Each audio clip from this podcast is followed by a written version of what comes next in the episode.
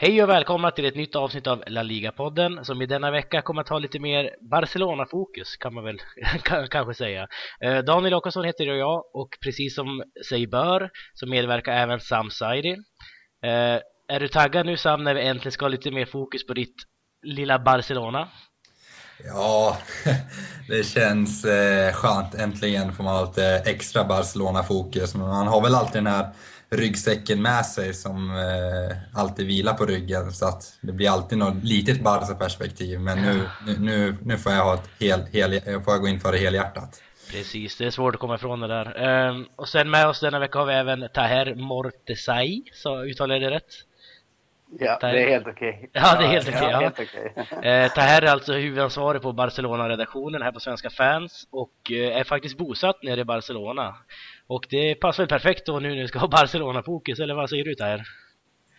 Ja, det låter jättebra. Um, jag har bott här snart nu i sju år, så att uh, det ska bli lite kul att se vad ni har att fråga om Barcelona. Ja, precis. Det är ju perfekt att ta in någon som bor där nere i Barcelona. Det kanske är ett annat perspektiv än det vi ser här hemma. Um, men Barcelona kommer vi in på om en liten stund. Först tänkte jag att vi skulle börja med Rayo Vallecano faktiskt. Lite en helt annan värld kan man väl säga.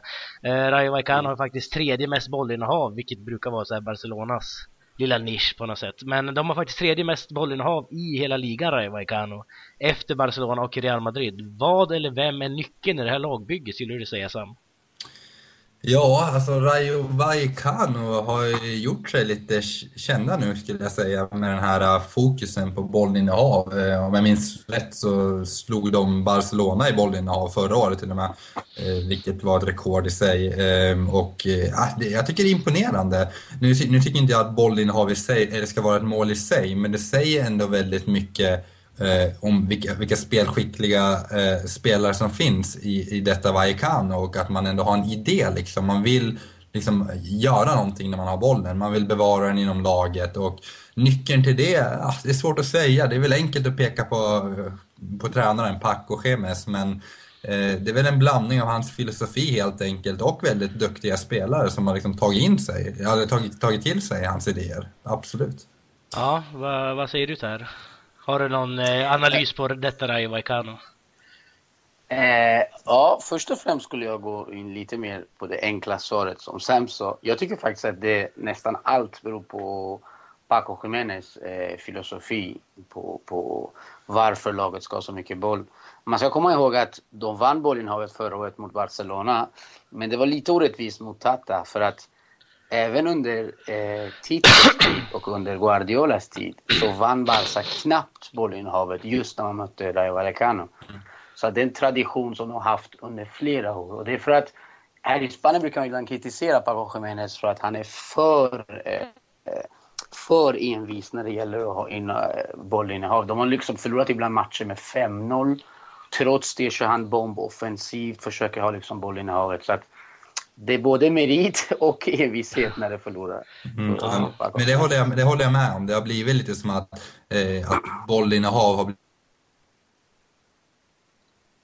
man kanske nästan ibland extremt fundamentalistisk som man kanske ibland anklagar Barcelona för att målet har nästan sett ut att bara ha, bollen. Eh, och då har man åkt på stordäng också, eller stora förluster eftersom det blir lite ineffektivt. Men eh, annars så delar jag analysen med här, här att det, Paco Jiménez och de har ju byggt upp det här under en längre period, inte bara när de mötte Tatas Barcelona utan det var ju långt innan också. Ja, mm. precis. Eh, det är svårt att peka på en individuell spelare. Det kan man ju liksom, det kan man inte göra i det här laget egentligen. Men jag skulle gärna vilja påpeka att deras defensiva mittfält, deras pivotes, alltså Roberto Trasoras och eh, Raul Baena, det är kanske två av de skickligaste, alltså bollskickligaste pivotsen vi har i ligan nästan. Eh, framförallt Baena har ju en ruggig fot liksom. Men eh, alltså är det, är det därifrån man bygger laget? Börjar man redan i defensiven med den här eh, härliga passningsfotbollen, den här bollskickliga fotbollen? Vad tror du där? Jag tror det kan mycket väl bero på det att man har väldigt bollskickliga spelare, defensiva mittfältare som du nämner. Men framförallt alltså, sättet man bygger upp spelet på. Jag kommer ihåg det var en match där man åkte på en del baklängesmål redan vid eh, när målvakten skulle passa till backarna. Trots det skällde tränaren på spelarna att de måste fortsätta på samma sätt. Han bytte ut till och med en mittback förlåt, som sköt upp bollen en match, mitt under matchen efter knappt 20 minuter. Så jag tycker att de tränar och de satsar så mycket på det här så att det hjälper till att de har skickliga spelare. Men det är framförallt idén som kommer från tränaren som gör att kör sig in på det här eh, passningsspelet som man har. Ja, precis. Och de har alltså nu två raka segrar här. Nu vann Levante senast. Eh, fyra senaste målen, vem har gjort dem Sam? Vad sa du? Jag försvann där en snabbis. Vad sa du? Eh, de fyra senaste målen för Rayo, vem har gjort dem? Ja, det, ja, det är väl det gamla, det gamla tänkte jag, han är ung, han är bara 22. Men det är väl Baptistao där som har gjort fyra mål och eh, Ja, ett otroligt giftigt vapen måste jag säga. Han, imponerande. Väldigt imponerande facit. Fyra mål på två senaste matcherna. Ser Precis. väldigt bra ut. Och Alberto Bueno har gjort fyra mål han också och missade en straff senast dessutom. Ja, um, jag tänkte att vi skulle hoppa vidare till en ganska generell fråga faktiskt. Här. Uh, en fråga mm. som ni själva får analysera, kanske hålla med eller inte hålla med. Jag tänkte fråga, vad har chockat er mest efter sex omgångar? Och då har jag rabblat upp några olika scenarion här. Eibars succéstart. Levantes urdåliga målfacit. Ett mål på sex matcher. Elches hemmasvit som äntligen, eller tyvärr, är bruten. Nio månader utan förlust hade de innan de förlorade mot Eibar. Cristiano Ronaldos tio mål. Barsas defensiv. Real Sociedad och Athletic Bilbaos dåliga starter. Eller finns det någonting annat ni skulle vilja påpeka här Sam? Vad, vad tycker du har chockat dig mest efter sex omgångar? Eh, alltså det här kan ju både vara positivt och negativt, men jag, jag, skulle nog om jag är tvungen att välja fram en, en, en sak bara, så skulle jag nog välja fram Bilbao. Eh, nu kvalificerar man kvalificerar sig i och för sig för Champions League. Ja, nu försvann Sandel. Du försvann snabbt. Eh, ja, försvann jag. Ja. Atletic. Ja, fortsätt med Atletic-analysen här. Ja, nej som sagt, sånt där, det här kan hända ibland när man spelar in så här på en gång att eh, man försvinner. Det, ju, hände ju förra veckan också. Jag kvar nu. Hör ni mig? Att vi hör dig väldigt vagt om man säger så. Men om jag vänder mig till dig då här, vad, vad tycker du? Vad, vad har chockat dig mest? Eller imponerat på dig mest hittills? Var frågan ställd till mig eller? Ja, precis. Till det här. Okej, okay, det är eh, För mig just skulle vilja först av allt, det är väl ändå chockat mig mest. Jag trodde faktiskt från början på Emerick ja, eh, den personlig favorittränare till mig. Eh, det har inte chockat mig. Jag trodde att de skulle överraska så här positivt. Men att på det här sättet, nu, nu förlorar de med 4-0, men trots det låg man ju nästan eh, var med etta tillsammans med Barcelona Valencia. Jag tycker att jag skulle säga fram Emery mer än Sevilla, att när han tar lag så lyckas han på något sätt i de flesta fall höja liksom den optimala potentialen som finns i laget. Så det tycker jag är en väldigt positiv överraskning för spansk fotboll och för en tränare som gör det jättebra. Eh, samtidigt skulle jag vilja lyfta fram Eivars också. Det är, alltså det är ett lag som, om jag inte misstar mig, för fyra, fem år sedan spelade nästan amatörfotboll. Mm, så att, precis. att lyfta laget så här mycket, har absolut lägst budget i laget och ändå trots det spela en fin fotboll, tycker jag är otroligt imponerande. Ja, och dessutom ska man lägga in att Eibar hade faktiskt lägst budget i Segundan till och med, när de var där förra året. Och nu är de uppe i primeran. Ja, det är imponerande. Um, men vi har faktiskt, vi ska faktiskt sätta stopp för del 1 här och återkomma alldeles strax med del 2 och då blir det mer Barcelona-fokus.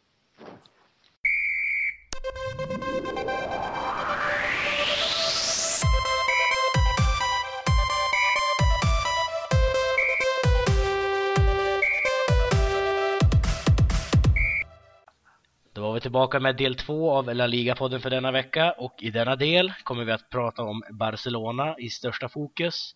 Och eh, det är därför vi har med dig här också Taher, för att du, ska, du som bor i Barcelona ska kunna flasha med dina kunskaper kanske, lite andra perspektiv och så.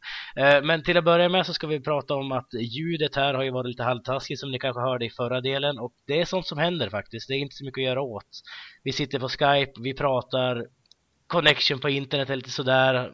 En bor i Spanien, en bor i Uppsala. Liksom det, det är sånt där som händer. Eh, och jag tänkte att vi skippar det, vi ser hur det ser ut, vi ser hur det låter framförallt och eh, ja, vi, vi går efter det helt enkelt. Eh, vi går hoppar in på Barcelona-spåret här då och eh, börjar med försvarsspelet tänkte jag. Barcelonas försvarsspel har länge varit kritiserat, framförallt eh, individuella spelarna där bak. Eh, men nu har man hållit nollan i sex raka matcher, man har inte släppt in ett mål i inledningen av säsongen. Vad har egentligen hänt där bak? Vad har Luis Enrique förändrat? Eh, ja, vad, vad säger du Sam? Vad har hänt? Ja, det som har hänt, ja, det är väl flera saker som har hänt. Eh, på ett individuellt plan så har ju Barcelona fått in nya försvarare. Jag tänker då framförallt på Mathieu som har kommit in eh, och gjort det strålande måste jag säga. Eh, men framförallt den stora nyckeln och som har faktiskt kännetecknat Barcelonas försvarsspel de senaste tio åren skulle jag vilja säga, det är ju att de har hittat tillbaka till det här kollektiva försvarsspelet. Eh, för egentligen spelar det inte så stor roll. Eh, alltså Barcelona, jag tror inte att ett stornamn skulle kunna förändra den försvarskris som fanns utan det, det, det handlade om liksom hela det här kollektiva försvarsspelet som har sett mycket bättre ut nu. Alltså man ser en, en Leo Messi som löper i defensiven som aldrig förr liksom och man ser hur laget jobbar tillsammans och där tror jag Luis Enrique framförallt eh, har fått in ett försvarstänk och börjat bygga Barcelona eh, bakifrån och framåt och inte tvärtom. Mm. Håller du med att det här att det är kollektivet som är nyckeln till framgång här? Ja, jag håller, eh, håller absolut med om det. Jag tycker också att framförallt sättet som man tränar nu påminner lite mer om, om Guardiola om man ska jämföra direkt med förra året. Sen tycker jag också att man har varit lite orättvis mot Tata som jag var inne på innan. Det har värvats och gett rätt många spelare det här året. Det, det kommer en ny tränare med allting så att allt känns fräschare. Och just Matteus som han nämnde har hjälpt till jättemycket för att det är ändå en, det är ändå en mittback liksom, även om han kan spela på vänsterback. Men hur länge ska man lägga en Mascherano? Hur länge ska man lägga en Bartra liksom som kanske inte var inne i laget? Så att nu med Matteo ökar konkurrensen. När Piqué inte spelar gör det inte så mycket. Så att jag tror allt det här som, som Sam sa tillsammans med de nya nyförvärven som han gjort gör att laget känns, känns starkare. Sen ska man också komma ihåg att än har Barca inte mött riktiga, riktiga topplag på bortaplan i en svår situation. Så att vi kanske borde vänta lite, lite med det innan man lovordar allt. Men sex matcher inte släppa in något mål, det, det är imponerande. Mm. Sen får man ju räkna, alltså El, när jag varit på El Madrigal och vunnit liksom, hållit nollan där. Det är inte jättelätt om man säger så. Eh, Thomas Vermalen har inte spelat än. Han lär ju dyka upp. Tror han kan eh, krydda det här försvaret extra Sam?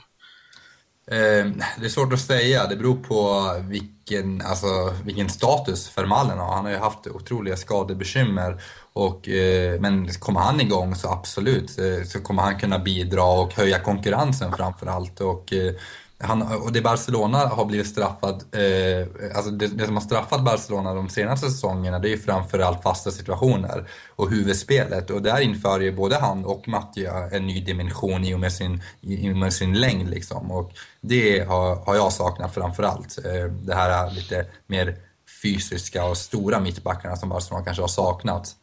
Mm. Um, om vi tittar lite längre upp i banan då så ser vi att Neymar har verkligen vaknat på rätt tid den här säsongen. Gjort sex mål på tre starter och två inhopp. Um, Taher, ser du någon skillnad på Neymar i spelet i år från förra, förra året? Nu när du nämner Neymar fick jag upp leendet. I, i slutändan, det Barcelona handlar om är just, tycker jag, det här tiki-taka tillsammans med en liten eh, magisk eh, spelare. Jag tycker att Neymar har gjort framförallt mer mål i år. Än tycker jag fortfarande inte att han spelar på samma sätt som han gör i Brasiliens landslag. Men det jag tycker, framförallt tycker med Neymar är att trots hans unga ålder så försöker han hela tiden. Om han misslyckas med tre dribblingar så försöker han då göra en fjärde. Och det som hittills har, tycker jag, gjort att han inte riktigt exploderat i Barcelona är framförallt att han hela tiden försöker spela fram Messi när han ibland kan göra det själv. Mm. Och jag tycker att just i den sista matchen så såg man lite att typ hans första mål, även om det var mycket tur, men han kunde ha passat till Messi. Men det är nog första gången jag har sett Neymar inte göra det och mm. avsluta själv. Och jag tycker att det, det är här man börjar se, se det riktiga Neymar. Att han borde göra det lite mer själv, lite mer som han gör i Brasiliens landslag. Ja, och vi har sett många gånger den här säsongen att det är faktiskt Messi som har passat fram till Neymar flera gånger. Tror du att det kan vara någon, någonting man har pratat om Sam? Att Neymar och Messi ska hitta sitt samarbete ännu mer? Ja, det är klart man vill att eh, dessa två världsstjärnor ska ha ett bra eh, samarbete, men sedan så håller, håller jag med eh, Taher här att det, det, det handlar framförallt om Neymar inte ska underkasta sig Messi allt för mycket. Liksom, jag kommer ihåg när han skrev på för Barcelona och hur han direkt går ut och säger eh, hur, hur, han ska hjälpa eller göra Messi ännu bättre. Liksom. Att han hela tiden sätter sig själv i relation till Messi. Utan det är kanske dags för Neymar att liksom ta för sig ännu mer. Eh, men samtidigt också ha det här samspelet med Messi för, att, för, för lagets skull. Liksom. Eh, Sen så det som framförallt, en annan skillnad som jag skulle vilja lyfta fram det är att han har fått nu inled, inledningsvis av säsongen en lite mer central roll i Barcelona. Jag tycker förra året kunde han stundtals hamna väldigt långt ut på kanterna vilket i sin tur låste exempelvis Jordi Alba eller Dani Alves beroende på vilken kant han spelade på att komma runt. Men nu har det blivit mer centrerat och där är Neymar lite mer farlig. Liksom lite mer centrerad från vänstersidan. Medan Messi är lite mer släpande och, och det tror jag kommer gynna honom verkligen. Mm. Eh, och Neymar alltså varit fantastisk. Eh, Messi måste jag även hylla. Han har ju varit fantastisk också med, jag vet inte hur många sista, är det sex assist han har bjudit på här? Ja, alltså det, ja, jag tror det är sex eller sju. Det är lite oklart med en assist där senast, eh, om målvakten var på den innan bollen kom fram till Neymar. Okay. Men eh, han är ju framförallt blivit, han är en fantastisk passningsspelare utöver alla mål. Ja, precis. Och vi, då har den tredje komponenten inte spelat än. Luis Suarez tänker jag på. Alltså kanske en av världens bästa mm, alltså, avslutare. Och eh, frisparksskyttar skulle jag faktiskt vilja lyfta fram där också. Det, det kommer det ha mycket nytta av tror jag. Men hur ska han kunna ta plats i det här laget nu då Suarez? Kommer han ens kunna starta nu med tanke på inledningen här? Vart hittar, hittar han sin plats där? Vad tror du? Jag såg en del matcher av Liverpool förra året när Suarez spelade tillsammans med Coutinho och eh, Sterling. Och jag måste säga att sättet alla tre spelade tillsammans på, det var ja, helt underbart att se. Nu kanske med all respekt, det är en annan sak att spela med Coutinho och Sterling, en annan sak att spela med Neymar och Messi. Men jag tycker att Suarez är en spelare som han gillar både att spela med liksom bra, duktiga, tekniska småspelare och på det sättet liknar de ändå ganska mycket de här två. Jag tror inte att det är en spelare som behöver göra 30 eller 40 mål eller avsluta alla anfall själv utan till och med Uruguays landslag under VM, han spelar lika mycket fram som han avslutar så att på det sättet tror jag kan funka. Det, det, som, det enda som jag undrar över lite det är liksom att vi håller på som sagt få se en, en förbättring av Messi, Messi och Neymars samspel. Eh, men nu kommer Suarez in så det kanske blir lite för mycket, för mycket, vad säger man? Eh, omeletten kanske får, mm. får för många ingredienser. Så vi får se, vi får se. Ja, jag är men, lite nyfiken. Ja, vad tror du Sam? Kan, eh, kommer han hitta sin plats i Barcelona, Suarez? Jag var, jag ska erkänna, jag ska inte sticka under stolen att jag var skeptisk till värvningen i början, men ju mer jag har vänt mig vid tanken så har jag börjat se mer möjligheter nu. Och Suarez är, precis som Tahir är inne på, eh, en otrolig lagspelare förutom, för, för, utöver hans målproduktion och hans liksom, fantastiska finess och så, så är det ju en spelare som sliter, han, jag tror han kommer vara perfekt i det här kollektiva försvarsspelet, hur han liksom, eh, stressa mittbackarna och så och, och sen blanda det med hög målproduktion, gedigen, la, gedigna laginsatser och samtidigt kunna spela fram eh, Messi och Neymar till ännu mer lägen. Så att, eh, ja, jag tror, speciellt med tanke på, med tanke på vad jag var, eh, sa innan här, att genom att få in Neymar lite mer centralt kan man också få in Suarez lite mer centralt och kanske kan Messi vara en liten släpande anfallare. Så att det blir som en slags eh, eh, så han agerar som en spets Messi mer. Och det tror jag kommer bli farligt, så att det blir två centrala forwards i stort sett.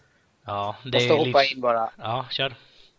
Eh, håller helt med det Sam säger. Sista matchen satt jag på läktaren och, och såg. Och vi var inne på med en, med en argentinsk eh, kollega till mig. Och jag pr pratade precis om det här att det känns som att framförallt Messis roll, han börjar tappa lite den här explosiviteten som han alltid har haft. Som kanske man ser på Neymar eller andra unga spelare. Men han, samtidigt har han ju sånt spelsinne så att med hans pass kan ju öppna vilket försvar som helst. Så jag tror också att det kan mycket väl bli att Messi kommer lite ner så att han spelar tillsammans med Rakitic och Iniesta och de här. Och så att man har liksom Suarez och Neymar på topp så att säga, där båda är ännu friare. Så att jag tror det kan vara en intressant, intressant eh, anfallstrio. Om man Absolut, säger så. och det kommer också i sin tur, tror jag personligen, öppna upp Eh, för Jordi Alba på vänsterkanten eller Adriano beroende på vem som spelar Dani Alves. Och där tror jag vi kommer få ännu ett vapen eh, från, från kanten, att ytterbackarna får den rollen lite mer istället för att Neymar eller Suarez ska hamna lite isolerade på kanterna. Det tror jag skulle vara ett misstag. Ja, precis. Eh, och jag som håller på Liverpool kan ju faktiskt säga att hans frisparkar är av världsklass. Alltså. Nu får ni en eh, frisparksskytt i... Ja, jag skulle vilja säga att han är bättre än både Ronaldo och Bale på det här. Alltså. Där får ni en ny, eh, en ny anfallsriktning också, eller man säger anfallsvinkel. Eh, men vi måste sätta stopp för den här delen, Barcelona-delen, och återkommer alldeles strax med del 3.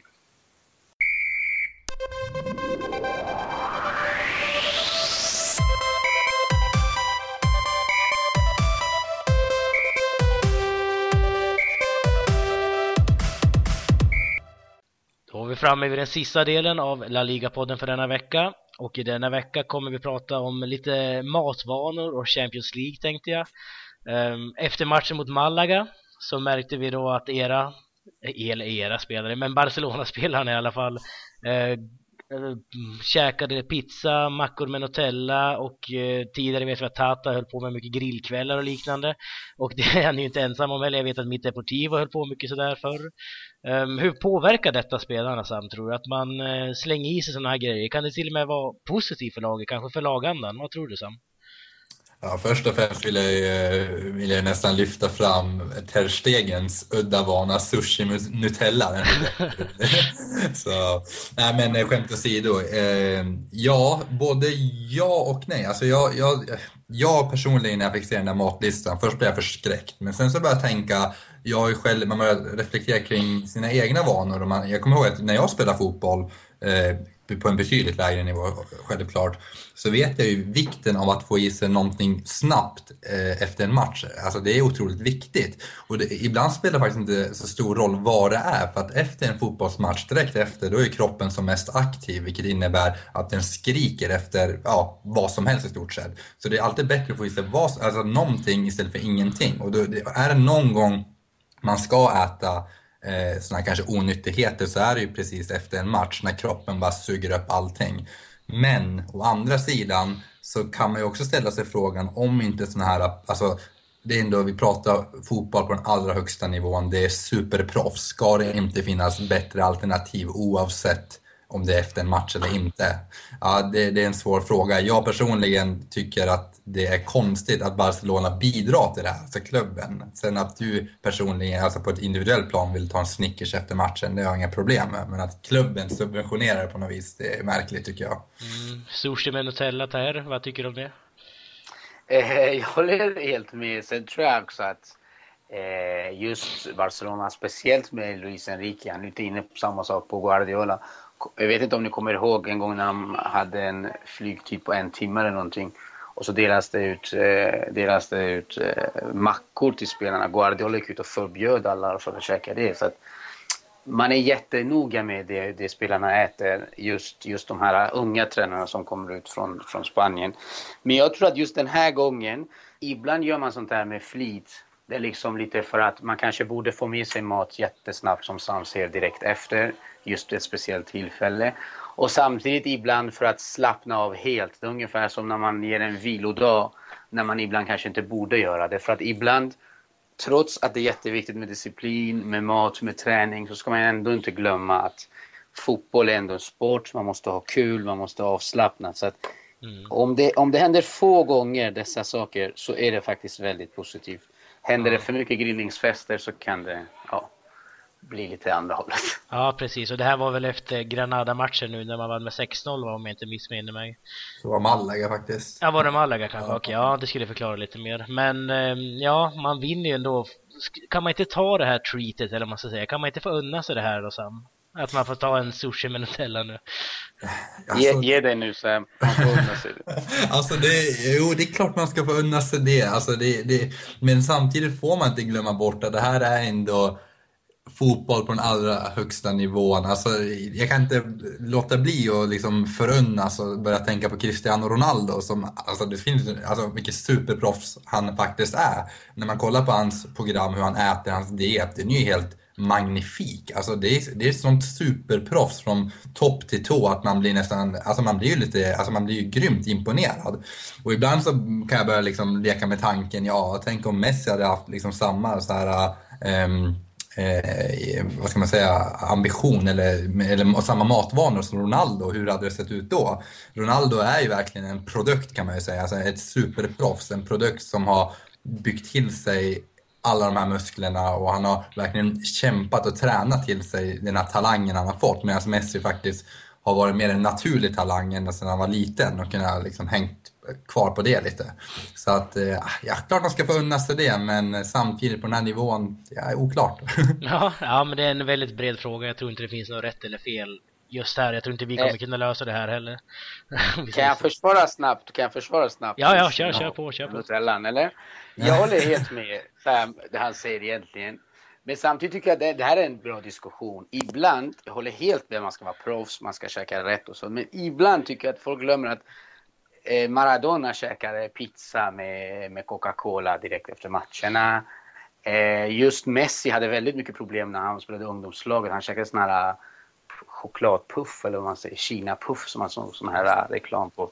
Så att men samtidigt, ibland tycker jag att man kan inte ta dessa spelare, eller brassar framförallt som har så mycket fantasi och sånt, och ge dem jättemycket disciplin och sen säga ja men ut och dribbla och just sådär. Jag tror att vissa, ibland hänger allting ihop. Mer disciplinerad du är, det är jättebra, men samtidigt tar du bort lite av den, den, den kreativa delen, tycker jag. Nu menar jag inte just den här kvällen att de åt sushi eller Nutella, att det kommer göra att de, de dribblar bättre, men att jag tycker att gränsen är väldigt hårfin där mellan disciplinerat och att ta bort lite liksom glädjen, liksom. lite kontakten med att man är ändå en vanlig människa. Så att sushin och, och nutellan är ibland jättebra. Ja, precis. Ja, det är som sagt ingen fråga vi kommer lösa här till alla världens fotbollstränare, men Eh, jag tänkte att vi ska hoppa vidare till eh, det sista ämnet jag skulle ta upp. Det är alltså Champions League. När detta avsnitt släpps så är det kvällsmatcher här. PSG mot Barcelona, Bate mot Athletic Club och eh, imorgon, alltså på onsdag, har vi Atletico Madrid mot Juventus och Ludogorets mot Real Madrid. Sam, vad tror du om eh, Barcelonas chanser till att börja med här mot PSG borta? Ja, eh, goda, väldigt goda. Eh, båda lagen känns starkare än förra året. Eh, kanske att PSG har börjat lite eh, under förväntan kan man ju säga. Men det ska bli kul, det ska bli en rolig match framförallt. För nu, nu får Barcelona den här värdemätaren och kan faktiskt se vart försvarsspelet står lite. Som Tahir var inne på tidigare så har vi inte haft någon kanske riktig värdemätare och därför har man inte vågat man har inte vågat slå sig för bröstet och liksom vara så stolt över försvarsspelet än eftersom det är så, så pass tidigt på säsongen. Men nu imorgon ska det bli, nu kommer de få en riktig värdemätare och ur den, ur den, ur aspe, ur den aspekten så ska det bli kul att följa och jag tror att Barcelona har goda möjligheter till tre poäng till och med. Ja, ja ikväll då menar du eftersom det här Exakt, på ikväll. Ja. eh, och då tänkte jag vända mig till dig, Taher. Eh, Bate mot Athletic Club, alltså Athletic Bilbao. Bilbao har fortfarande, de har bara vunnit en match i år om jag inte missminner mig, kryssade första mot Shakhtar. Vad tror du? De behöver verkligen en seger här, eller vad säger du? Ja, nu trodde jag att jag skulle få bli frågad av Barcelona så jag var redo att svara tillbaks. Men eh, Bilbao tycker jag så här, man besegrade Napoli för att komma in i Champions League. Och det tycker jag är, en, eh, är otroligt svårt, framförallt av ett lag som kanske inte har så alls så mycket erfarenhet av, av Champions League. Eh, mot Shakhtar spelade man ju 0-0 i första matchen. Och mm. det är svårt. Det är svårt med bra lag att komma in, för Arbeloa är ett riktigt, riktigt bra lag, komma in i Champions League utan erfarenhet. Champions League har liksom fortfarande den här myten om att om man inte har varit där många gånger så är det svårt. Jag vet inte om ni kommer ihåg Sevilla för ett par år sedan, antal år sedan. Mm. Som spelade väldigt bra, vann många Uefa League och sånt där. Men just Champions League, det blir svårt att gå längre även om man kan vara bra. Jag tror att Bilbao är ett sånt där eh, fall liksom. Som lag tror jag faktiskt att man kan mäta sig med de riktigt stora i Europa, för man spelar riktigt bra fotboll. Men Champions League gäller att vinna, framförallt vinna och ta sig vidare. Så att mot Bate tror jag att man kan, man kan ta med sig tre poäng, men hur långt man kommer gå den här turneringen, det, det, det återstår att se. Ja, det är väldigt svårt att se om just här. Eh, jag tänkte på imorgon då, på onsdag, Atletico Madrid mot Juventus. Vilken jäkla match det blir, eller vad tror du Sam? Vad, vad händer här?